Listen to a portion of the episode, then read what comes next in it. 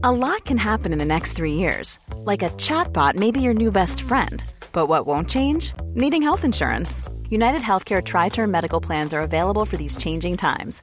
Underwritten by Golden Rule Insurance Company, they offer budget friendly, flexible coverage for people who are in between jobs or missed open enrollment. The plans last nearly three years in some states, with access to a nationwide network of doctors and hospitals. So, for whatever tomorrow brings, United Healthcare Tri Term Medical Plans may be for you. Learn more at uh1.com. Vi er hos han eh, Benny Sætermo på Saltfjellet, eller eh, er, er vi kommet ned i Saltdalen nå? Ja, vi er faktisk eh, i, ved foten av Saltfjellet på nordsida, eller i Øvre Saltdal, som vi gjerne sier. Hvor går grensa mellom eh, Rana og Saltdal? Ja, den går midt oppå fjellet her. Okay.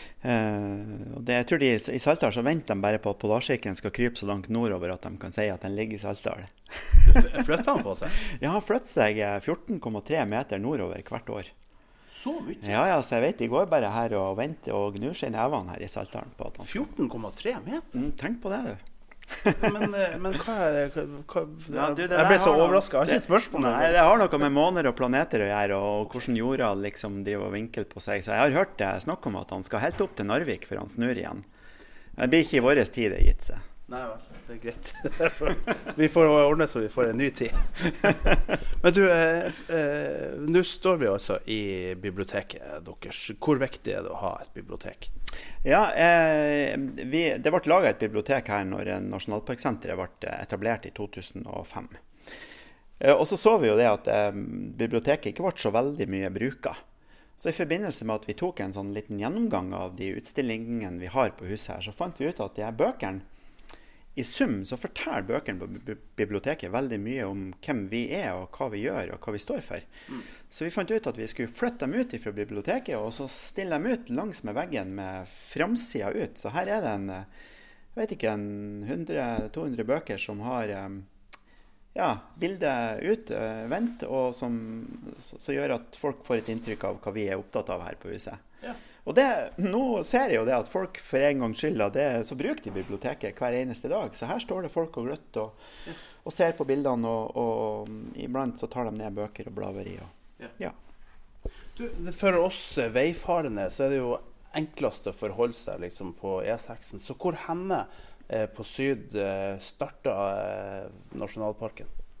Ja, eh, Vi har eh, fem nasjonalparker her i midtre Nordland. Eh, Saltfjellet Svartisen nasjonalpark, Junkerdal nasjonalpark, Rago nasjonalpark, Lakko og Sjonkatten nasjonalpark. Og Vi har da formidlingsansvaret for alle de nasjonalparkene der. Ja. Så vi har en naturutstilling som forteller om parkene, og vi har da selvfølgelig dette biblioteket. Og så eh, driver vi også og reiser en del rundt og forteller om verneverdiene i nasjonalparkene. Og Saltfjellet Svartis nasjonalpark, som er den som ligger lengst i sør, den starter Ja, det er jo egentlig litt vanskelig å si hvor den starter, for den har jo en sånn en veldig ujevn grense, men den, den, den grenser jo til Rana kommune i sør. Og så er den vel innom en åtte-ni kommuner eh, på sin ferd videre nordover. Da. Det er jo Norges nest største park, faktisk. Eh, en, en utrolig innholdsrik park. Eh, vi har jo, det er ikke mange som er klar over det, for man tenker jo ofte på Saltfjellet, Svartisen, som en sånn nasjonalpark veldig høyt over havet med, med forblåste fjelltopper og tinder og sånn, men det er faktisk en park som har både fjellrev og de høyfjellsartene, men vi har faktisk både hval og sel og torsk i nasjonalparken. Ja. Så den grenser faktisk til, eller går ut i havet da, i Nordfjorden i, i Rødøy kommune. Ja. Men sånn som Dunderdalen, f.eks., er det også en del av Nei, Dunderdalen er, er, er ikke en del av parken, mens, mens parken, grensa til parken går ganske nært. Det er jo sånn eh, i norske nasjonalparker, i motsetning til en del utenlandske, så, så skal norske nasjonalparker være helt uten infrastruktur, eller det som kalles for tyngre inngrep.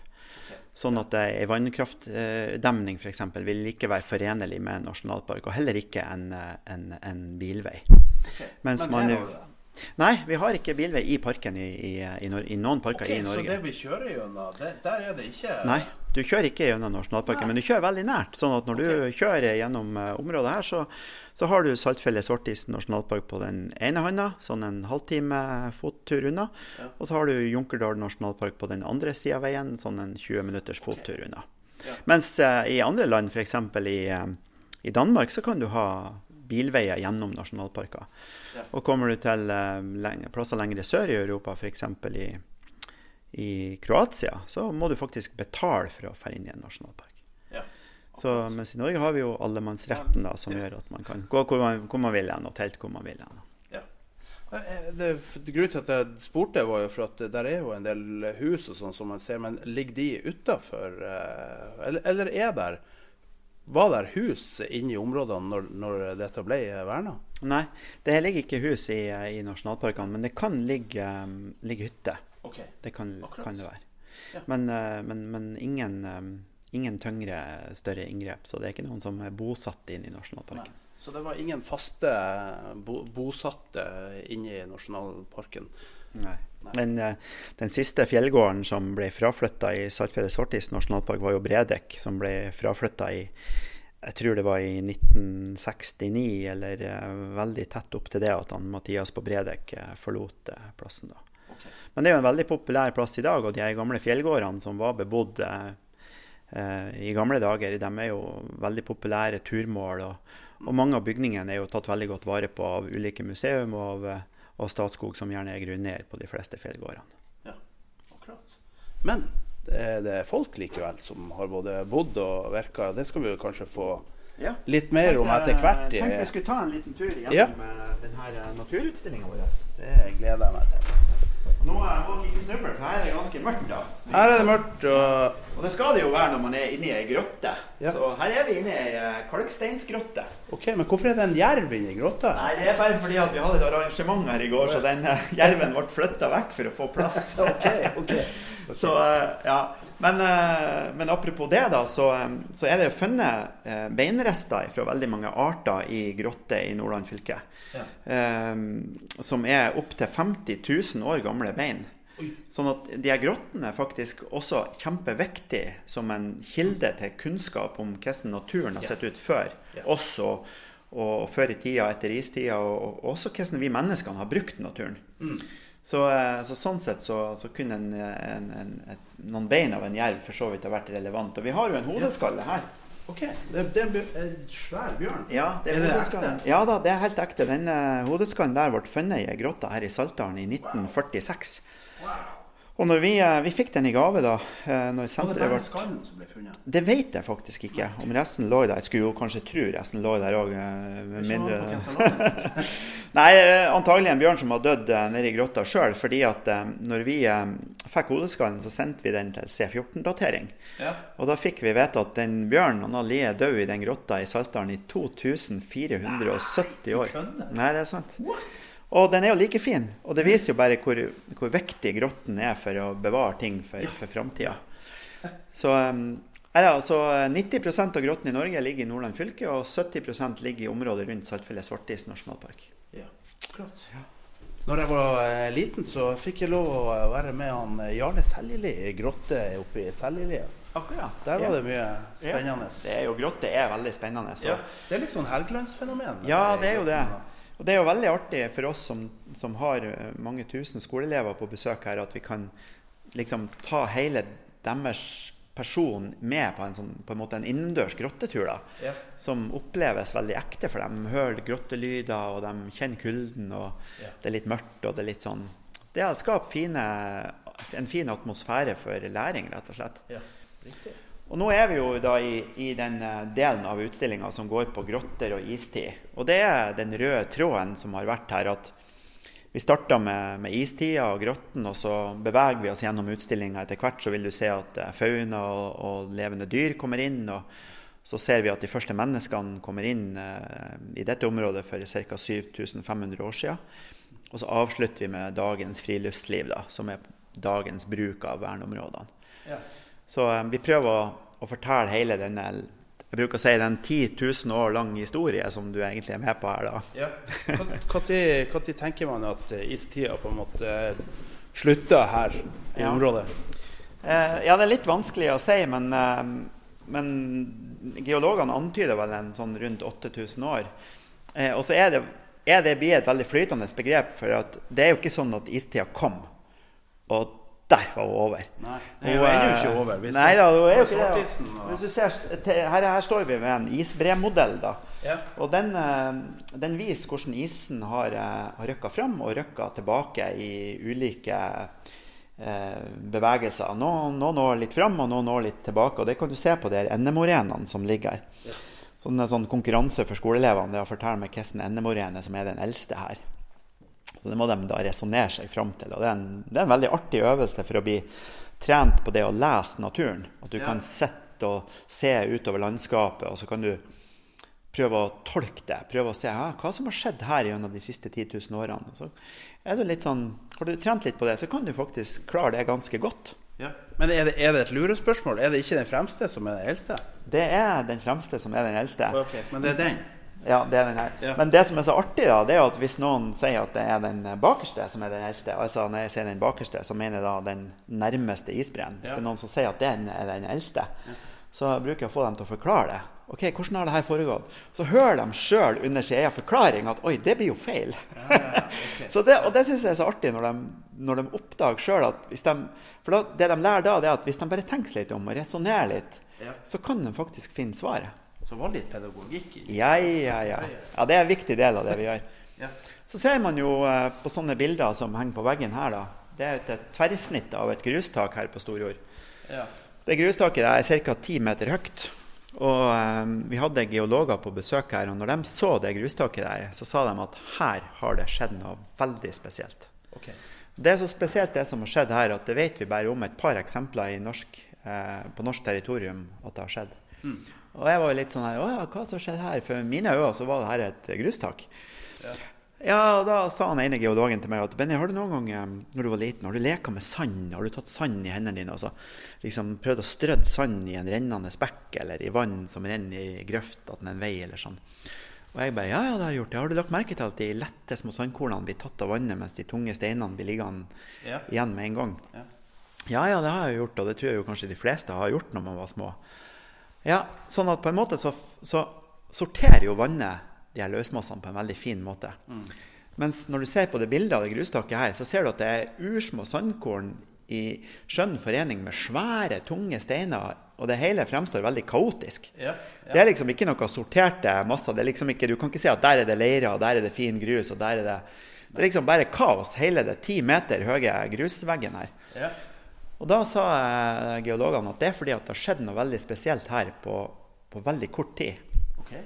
Og For å finne svaret på det, så for de opp på motsatt side av dalen her, satte seg opp på en eh, fjelltopp opp med Kjemvåga stasjon og begynte å gløtte utover landskapet. Mm. når jeg satt der en halvtimes tid, så kunne de altså fortelle meg en 10 000 år lang historie. Det var veldig fascinerende.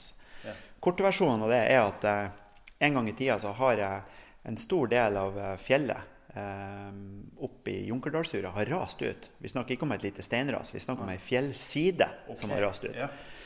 Eh, og demt opp hele dalen. Og gjort at eh, hele Junkerdalen var en, en eneste stor innsjø. Og vi vet at eh, i den innsjøen så har det fløte isfjell som er 100 meter i diameter. Okay. Hvordan vet du? Hvordan Og det vet vi fordi at den dagen av demninga her brast, Ja.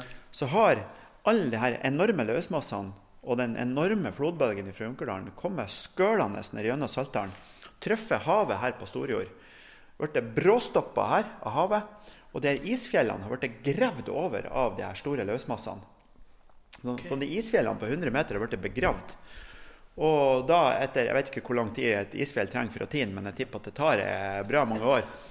Så i dag er de jo selvfølgelig tint. Ja. Og, og vi kan se hvor de har ligget, for det er svære groper i terrenget der isfjellene har ligget. Det kalles for ei dødisgrop. Og når vi måler diameteren på de Ja. isgropene, så er de over 80 meter i diameter. Opp mot 100 meter. Jeg bruker å si at Hadde det vært én dag i verdenshistorien jeg kunne tenkt meg til å ha vært flue på veggen, Ja. så var det å sitte oppe i Kjemvåga den dagen når den demninga brast. Ja, for du vil vel ikke vært på den fjellveggen? Nei. Jeg skal få flue på fjellveggen. Jeg skal få på, uh, jo faktisk. Ja. Sparer på Det er dyr strøm nå. Ja, ja det har du noe rett i.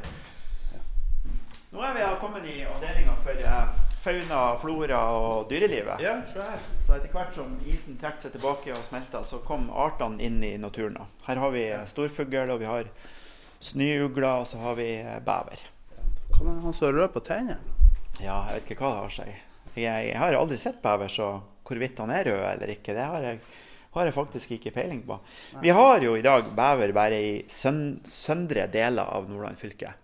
Men vi vet faktisk at um, det har vært bever over hele fylket i gamle dager. Og det er noe så enkelt som stedsnavn som forteller oss det. Ja. Så faktisk så kan stedsnavn på plasser i naturen være med å, og gi oss kunnskap om hvordan naturen der har sett ut eller blitt brukt. Helt til danskene kom og eh, skulle fornorske samiske navn og Ja. laga bare rot. Jeg var på Island i fjor og, og, og eh, lærte meg litt av det gamle norske språket. Og jeg må si at det, det et ord jeg ble så fascinert, som sto på eh, alle islandske bruer, hvis det var litt sånn smal vei, det var ordet 'einbreid'. Altså Fantastisk. vet Vi skulle være flinkere på å lage sånne navn i Norge. Så Brua var så smal at det var bare én brei. Akkurat. Ja, så, det, så du tror ikke det er bever her nå? Jo, faktisk så er det kommet en bever. Ja. Sånn at okay. i, eh, i sommer så har vi sett spor av en bever som har slått seg ned i, eh, i ei elv ikke så langt ifra besøkssenteret. Ja. Han vil ikke snakke med deg, altså? Nei, men han har snakka med en kompis av meg som har vært og tatt en kikk på han. Så det er jo litt artig at eh, For vi hører jo veldig ofte om at natur blir utrydda og forsvinner.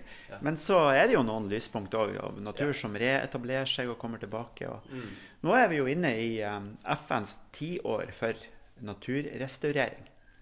Så det er jo et veldig fint tiår for for eh, vi har, vi har nå i lang tid snakka om å begrense tapet av natur og begrense tapet av arter. Ja. Og så har vi faktisk tatt det et skritt lengre.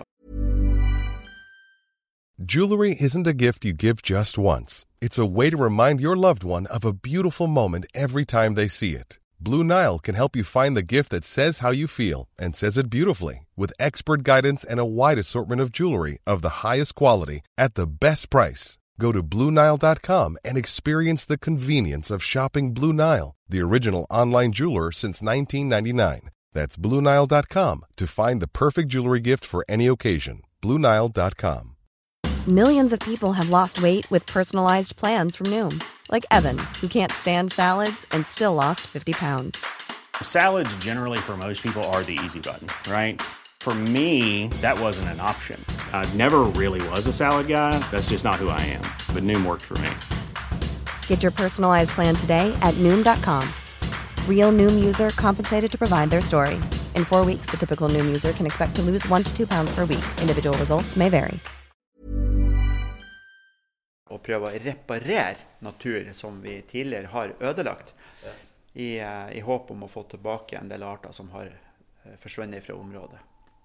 Jeg husker jo når jeg var unge at det, at det var bever i Mosjøen. Ja, det var jo det. I den elva på nedsida av landbruksskolen der, så var det jo spor av bever. Men nå er jo for så vidt eh, Mosjøen er jo ganske langt sør i Nordland fylke. Så Ja da, det, det er jo det. Det er bare ti mil igjen før man er ja på da. grensa, altså. Det er jo et stykke fra Mosjøen til Bjerkvik. Ja, det er jo det.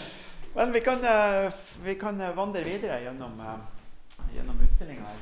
Ja. Vi har, eh, ja, vi har jo en uh, veldig utrydningstrua art på, i Saltfjellet Svartis nasjonalpark som heter fjellrev. Ja. Og den eh, bruker myndighetene ganske mye midler på hvert år for å prøve å, å, å, å hindre at den, den utryddes. Og- Her har dere tatt og slått i hjel noen unger bare for Ja. å vise hvordan de ser ut. Ja da, eh, det kan man tro. Men, eh, men eh, det var ikke det som skjedde. Det var faktisk eh, en av fjellrev... De som overvåker fjellreven, som lå på, på god avstand til et fjellrevhi og skulle telle antall unger for eh, noen få år siden. Ja. Eh, for det, det, er viktig at eh, myndighetene vet hvordan det går med bestanden, så vi prøver hvert år å få et nøyaktig tall på, på, på ynglingen. Da. Hvor mange unger som blir født, og hvor mange som overlever og blir et år osv. Og så i løpet av den natta, når, når denne oppsynsmannen ligger og ser på hiet, så kommer det faktisk en jerv og, og dreper alle ungene. Ja, han gjorde det. og Og han kunne ikke gripe inn. Nei, det, det, det hele gikk veldig fort. Og så er det jo òg Du blir jo litt sånn sjakkmatt, og så er det jo gjerne sånn òg at naturen skal jo egentlig gå sin gang. Men akkurat i det tilfellet her så, så tenkte han da at det vil være av veldig stor verdi for vår formidlingsvirksomhet at vi kan vise fram eh, ekte fjellrevunger på, på hiet vårt som en del av formidlinga. Sånn at eh, han bestemte seg da for å ta vare på, på dem. Og, og, det er vi veldig glad for. Så. så nå har vi dem som en del av utstillinga vår som går på fjellrev. Men har dere ikke en voksen fjellrev? Eh, vi har en i fryseboksen. Oh, ja. ja.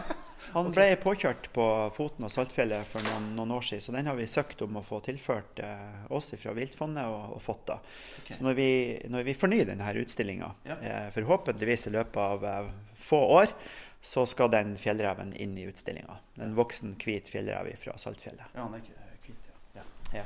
Eh, men de ser så annerledes ut enn hva man liksom skulle tro. Altså. Ja, de er, jo, de er, jo, veldig små. Og ja. de er jo det. Hvor gammel tror du disse er? Ja, Godt spørsmål. Men de er jo altså ikke stor, så de er jo nesten ikke større enn en røyskatt. Så gammel, hvor gammel kan de være da? Ja, Vanskelig å si. Noen uker, kanskje. Ja. Men, men, hvorfor tror du jerven ville drepe dem? For han har jo tydeligvis ikke ja. spist dem. Ja, nei men, eh, nei, men eh, det er klart, eh, naturen er jo brutal og, og skiller ikke på, på arter som er sjeldne eller ikke. så så han var nok ute etter å fø sine egne unger, den, den, den karen, vil jeg tro. Så han hadde tenkt å ete det? Da? Det hadde han nok, ja. ja, ja, ja. Absolutt. Okay. Ja. Og De andre dyrene vi ser på hia her, det er utstoppa lemen. faktisk. Det er en veldig viktig sånn, nøkkelart for, for, arter i naturen, og spesielt fjellreven. Det er så sint. Så det er mange som lurer på hvorfor kan man ikke fikse den norske fjellrevbestanden med å bare ta fjellrev fra Grønland eller Svalbard og slippe ut i, i den mm. norske naturen. Ja. Men, uh, men, det går faktisk ikke, fordi at den, um, den, fjellreven vi har på fastlandet i Skandinavia, han, han, han er ikke genetisk lik den fjellreven som, som lever på Svalbard. Mm. Uh, og det er fordi at vi har smågnagere her. Vi har, vi har det vi kaller for smågnagerår. Mm. Som i noen tusen år har oppstått hvert fjerde år. Ja. Sånn at den fjellreven vi har i fastlandet, han har gen, gener som er tilpassa smågnagersyklusene. Okay. Så han får flere unger de årene det er mye mus. Og så får han mindre unger de årene det er lite mus. Og har, de genene har ikke den fjellreven på Svalbard. Er ikke det merkelig det, at det man får lite unger når det er lite mus? Ja. Men Fortell litt om det her. Hva, hva, er vi, hva, er det vi, ser der? Jeg ser jo det er en bilde av en, en, skalle med noen lange horn på. Ja, det er nok eh, rester fra, fra Akkurat det der bildet er nok rester fra en rein. Og, um, for fjellreven han er jo en art som, som i, i, i smågnagerår lever på smågnagere. Men så er det jo ofte, eller historisk sett, da, tre år mellom hvert smågnagerår. Og det er jo gjerne greit å ete litt dag. Så da ja. går han på, på, de andre tingene han kan finne i fjellet. F.eks. Eh, åtsler og kadaver av hjortedyr eller reinsdyr i dette mm. tilfellet her. Og, og, og, det er nok òg en del av årsaken til at fjellreven har slitt i de årene imellom smågnagerårene. Fordi at eh, i gamle dager så hadde vi en, en, annen bestand av store rovdyr som etterlot seg ganske mye åtsler på fjellet. Så, som fjellrevbestanden kunne benytte seg ut av. Mm. For en fjellrev i seg sjøl er ikke i stand til å ta livet av et, et voksent hjortedyr. Nei.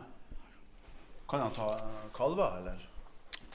Ja, jeg skal ikke uttale meg for, eh, for, for nøyaktig på, på, det, men det er klart at eh, jeg vil jo tro at små reinkalver kunne være Men samtidig så er jo simlen ganske sånn ja, i forsvar, så, så, så, jeg vet rett og slett ikke. Nei. Men um, det er mye som kan gå an i naturen, det er helt sikkert. Ja.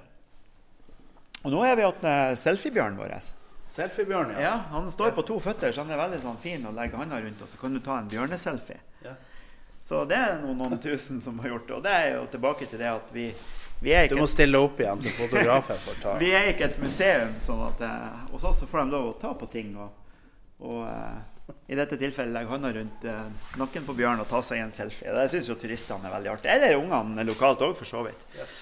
Men eh, det er jo ikke alltid eh, ja, naturen er jo fremstilt på en litt spesiell måte her. Det ser du kanskje. Bjørnen står på to føtter og er litt aggressiv. og mm. Jerven er jo rimelig aggressiv der han står, og gaupa er jo heller ikke for noe fornøyd der hun står og har tatt en sau. Og, og, det er jo um, fordi at vi har jo, jeg på å si, menneskene i fylket Vi har jo levd i en slags konkurranse med de her rovdyrene i de tusener av år vi har bodd her. Og det har vel utvikla et slags sånn forhold til rovdyr som gjør at det, mange har et eh, anstrengt forhold til dem. Mm.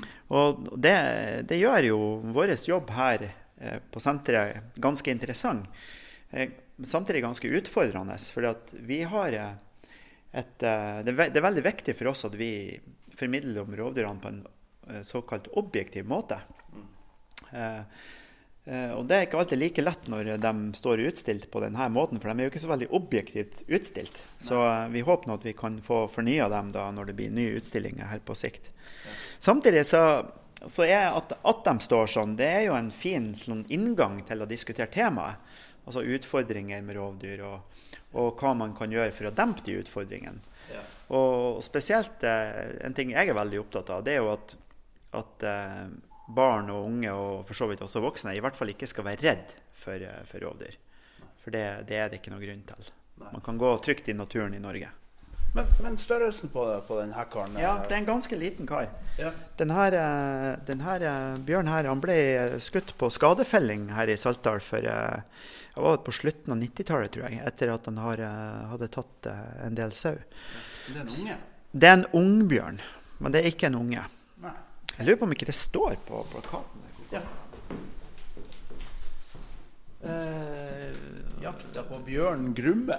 Ja, 1999 ble han uh, skutt. Den hadde da tatt uh, mellom 75 og 100 oh, sauer. Men det står faktisk ikke hvor gammel denne bjørnen er. Men uh, Radiomerka i Sverige? Ja, det, sånt, det har jo vært et sånt bjørneprosjekt der man prøver å kartlegge ja. eh, bjørns bevegelser. Og for så vidt ikke bare bjørn, men en, en, en god del arter som norsk og svensk naturforvaltning er opptatt av, har man har man merka med sendere av ulike slag. F.eks. så oppdaga man jo at eh, for Dverggåsa er jo den mest utrydningstrua fuglearten vi har i Norge. Vi har jo bare en 12-15 individer igjen. Og eh, der har jo radiomerkinger vist at eh, de gåsene som, som, lever i, i Nord-Norge, de blir skutt på trekket sørover rundt Svartehavet. Så det er jo kunnskap man har fått da gjennom sånn merking. Så har man jo i tillegg hadde man jo et sånt uh, merkeprosjekt på elg i, utover 80- og 90-tallet. Det gjorde jo at uh, vi i Rana for en åtte-ni år siden fikk dokumentert Norges eldste elg. Okay. Ble, det var elgkuen nummer 904. Hun ble, ble funnet på, på Skonseng. og, og der hun og døde av naturlige årsaker. For at jegerne sparte det her merka elgene fordi at man visste at det ble drevet forskning på dem. Mm. Og da mener jeg at hun var merka da for jeg tror det var 27 år siden. Okay. Så elgen blir, blir, ganske gammel hvis ja. han får leve. ja. Flotte dyr. Absolutt. Ja. Jerv har du eh, flere av. Er det, er det mye jerv?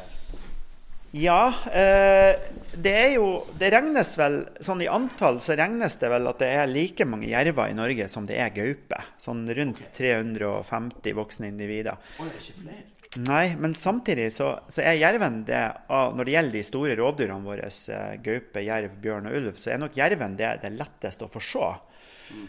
Eh, selv om at han ikke er så tallrik, så, så er det jo sånn at han lever jo for det første på høgfjellet.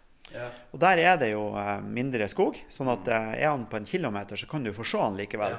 Ja. Og så i, i, tillegg så kan jerven enkelte gang oppleve ganske sånn litt sånn nonchalant.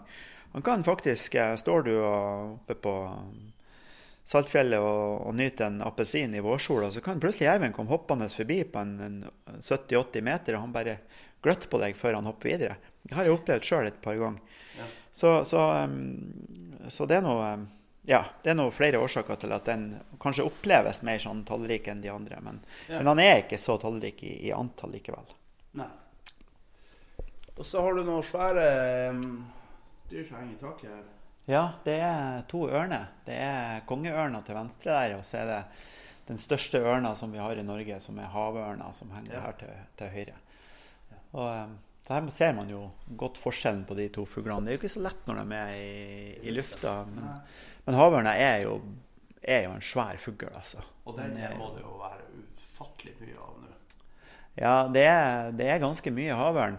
Eh, det kom på en havørnhistorie når du, når du nå eh, begynte å prate om den ørna der. Vi hadde en, en, forsker på besøk her for noen år siden som, eh, som fortalte at han hadde vært på ei øy på Trøndelagskysten. og og skulle fortelle om, eh, om havørn. da.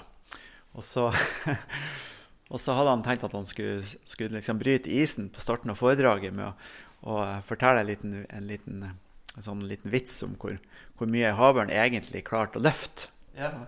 Og dette var jo da på Leka, eh, der vi har det sagnet om eh, dette havørnrovet, den jenta som ble løfta av havørna. Og da sa han men det skulle han aldri gjort, for det var ikke ett menneske i salen som flira etterpå. Og Hvor mye kan du løfte? Nei, jeg vet ikke, men, eh, men eh, noe, noe kan han løfte. Men, eh, Ja. men, men det er litt sånn interessant i forhold til eh, menneskene sin, eh, sitt forhold til natur, og de historiene som er skapt fra gamle dager, og de sagn som, som man har bevart. Og, eh, det forteller om et veldig sånn rikt eh,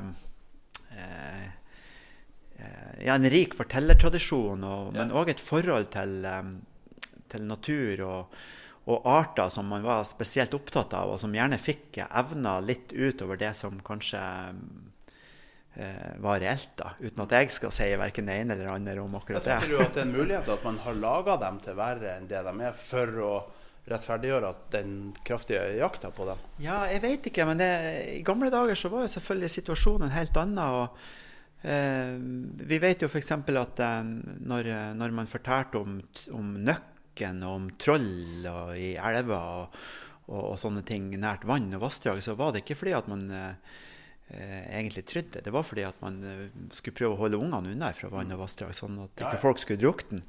Og, og det kan jo selvfølgelig ha en, det kan jo ha en slags overføringsverdi til, en- til bjørn, bjørn og ulv, uten at, jeg, Ja. uten at jeg vet det. da. Ja, for Du har jo de her store historiene. så Det er også nede i Trøndelag om den her mannebjørn, og at han eh, har tatt flere, flere folk der. Og det, det der er jo nedtegna Kanskje det var på 1800-tallet. Men, Ja. Men det er klart, De, eh, historieforfalskning er jo ikke første gangen det har skjedd. Det jeg vet om bjørn på 1800-tallet, det var jo at det var, en, eh, det var litt av en jaktform man bedrev på den tida, når man, eh, når man skulle ta ut bjørn. Ja. Eh, faktisk så, så var det regna som mer eh, Jeg må bare slå av telefonen her. Det var faktisk regna som en tryggere måte å avlive en bjørn på, å, ta dem med et såkalt bjørnespyd i stedet for å skyte dem. det Ja, tenk det, altså. Du skulle liksom vekke han opp i hiet og, og få han ut. Og når han gikk på to føtter, så skulle du liksom gå fram med spydet. Det tror jeg måtte være litt av en eh, Men det var regna som en tryggere måte å gjøre det på, fordi at våpnene på den tida var ikke så eh, De var ikke så dødelige, rett og slett. Man hadde ikke ekspanderende kuler og prosjektiler sånn som man Det- Men eh, det som også har kommet veldig mye opp i siste, er jo den utstrakte eh, jakta på, på havørn. Og det har jo alltid lurt på hvorfor det var så mye jakt på havørn. Men det var jo skuddpremie de fikk fra staten, rett og slett. Ja, det var skuddpremie på en mengde såkalte dagråfugler fram til Jeg lurer på om det var i 1971 at det, eh, den ordninga forsvant. Og da fikk man jo eh, skuddpremie på hønsehauk og ja, mange forskjellige arter. Men det, det hørte med til historien at vi før i tida hadde en, eh, en omvendt eh, viltlov. Altså man hadde, man hadde, det var faktisk sånn at alt var jaktbart, med mindre det var freda. Så ble det der speilvendt til at det er ingenting som er jaktbart, med mindre det er åpna for jakt på det. Ja. Så i dag så er jeg, i utgangspunktet så er alltid norsk natur freda, men så er det åpna for jakt på noen arter, sånn rype og elg og hare. Og. Riktig.